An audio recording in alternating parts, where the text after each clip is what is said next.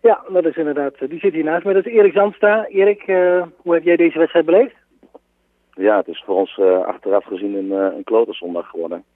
Ehm, het was een groot spektakel, zoals we net al gezegd hadden. Ehm, met zes goals in de, in de eerste helft. Maar ik, ik, ja, ik, eh, ik beleef het zondag toch wel heel zuur, want uh, ik denk dat er vandaag één ploeg uh, verdient dat op te winnen. En uh, dat waren wij. Alleen, we hebben wel eens wat wedstrijden te veel gekregen, maar, of te, weinig, ja, te veel gekregen, maar vandaag hebben we absoluut te weinig gekregen. Want je begint die wedstrijd eigenlijk gewoon volledig goed. de eerste 10 minuten, de eerste 12 minuten zijn volledig voor jullie. jullie komen bijna op 1-0, bal gaat op de paal. dan zie je het aan de andere kant zien vallen, 0-1. Wat denk je dan? Ja, dat is gewoon een heel pijnlijk moment. Want ik denk zelfs de eerste 20 minuten dat wij uh, nagenoeg foutloos speelden. We creëerden kansen en het was wachten op de, op de 1-0 en uh, die viel niet. Ja, en dan komt er zo'n oude voetbalwet. En als je hem zelf niet maakt, de eerste beste aanval van Bemmel was, was al een tegengoal. En, maar ik, moet wel, ja, ik vind het wel knap dat wij ons twee keer na een achterstand hebben teruggeknapt. En ehm, nou ja, laat ik zo zeggen, het geluk staat vandaag niet aan onze, aan onze zijde. Nee, maar degene die 1-1 maakt, uh, Jelmer Stevens, die raak je een paar minuten nadat hij de 1-1 heeft gemaakt, raak je kwijt. Dat is niet goed afgelopen, begreep ik van je. Nee, ik ben Jelmer wel een paar weken eruit ligt. Die heeft toch wel een, een, wond, een open wond boven zijn knie. En nou ja, goed. Weet je, ik, ik ben niet, volgens mij sta ik weer redelijk bekend in de regio als een, een sportieve trainer. Maar als iets een rode kaart was, dan was dit het wel. Ik kon het heel goed zien. En nou ja, goed.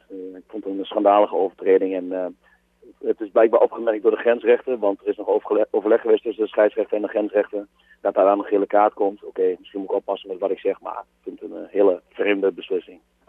Oké, goed, daar heb je dan mee delen. Wordt, is het 1-1 uh, is het, uh, en dan ga je in drie minuten ga je van 1-1 naar 1-3. Wat is daar gebeurd? Want het zag er achterin, met name je doelman, niet goed uit. Nee, dat, uh, kijk, als je vier goals tegenkrijgt in een, in een helft of in een wedstrijd, dan moet je natuurlijk wel zeggen, uh, natuurlijk wel eerlijk zijn dat je niet foutloos bent. En wij hebben gewoon wel eens moeite dat als wij aan het verdedigen zijn en we krijgen een kans tegen om echt meedogenloos te zijn, om echt die bal echt een, een peer te geven en die bal weg te werken. En, en dan, dan blijven wij vaak een beetje stuntelen. En dat zag je nu ook weer. Dan, ja, Wouter grijpt wat uh, wijfelend in. Dan komt er een, een, een, bal, een tweede bal. Die valt dan op de, op de paal of op de kruising van, van een schot van Bemmel.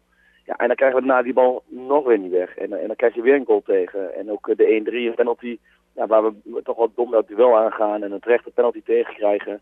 Ja, dan, dan zie je toch wel een beetje dat wij nog wat onvolwassen keuzes maken op dat moment. En dat, dat, ja, dan, dan wordt het heel lastig om een wedstrijd te winnen als je de, als je de drie uh, in één helft op dat moment al tegenkrijgt. Ja, maar je komt dan nog toch wel op in, die, in die eerste helft, en dat was voornamelijk de, het spektakelstuk, kom je nadat je 1-3 zit, kom je toch weer heel snel terug. Wat dacht je toe? Nu gaat het de goede kant op vallen? Ja, wij dachten eigenlijk van, uh, nu gaan we erop en erover. Zoals we eigenlijk de hele eerste helft al speelden. En uh, ja, dan, dan, krijg je weer dat penalty moment uh, krijg je dan, krijg je dan tegen vlak voor de rust. En dat is natuurlijk wel een, echt een moment wat heel bepalend is voor de wedstrijd. Als je vlak voor rust uh, eigenlijk het gevoel hebt van, nou we gaan misschien die 3-3 nog wel maken. En dat je toch met 2-4 gaat rusten. Ja, dat is wel een domper. Maar we hebben wel in de kleedkamer gezeten en echt iedereen had overtuiging dat we deze wedstrijd nog gingen winnen. En ik zelf eigenlijk ook. Oké, dan krijg je de tweede helft, waarin je eigenlijk ziet dat Longa het wel probeert, maar uh, Bemmel heel makkelijk uh, stand houdt. Uh, iets meer scorend vermogen voorin, zou dat jouw ploeg kunnen helpen?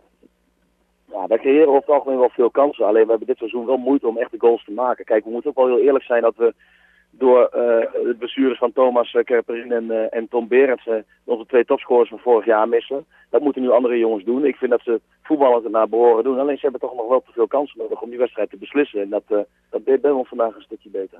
Die was een stuk effectiever. Je noemt twee namen, twee goede spelers die je kwijt bent. Komen die dit seizoen nog terug? Hoe is het daarmee?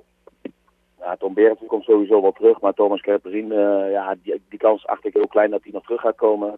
Hetzelfde geldt voor Simon Klein-Goldenwijk, Janik Wolters ja, we hebben toch wel uh, een beetje een persseizoen als we kijken naar uh, hoe de fitheid van een aantal jongens. En uh, ja, er zitten bijna geen spierblessures tussen. Alleen Tom Berens is echt een spierblessure. Voor de rest zijn het allemaal ja, jongens die, die met een ongelukje of iets dergelijks betrokken raken. En ja, einde seizoen.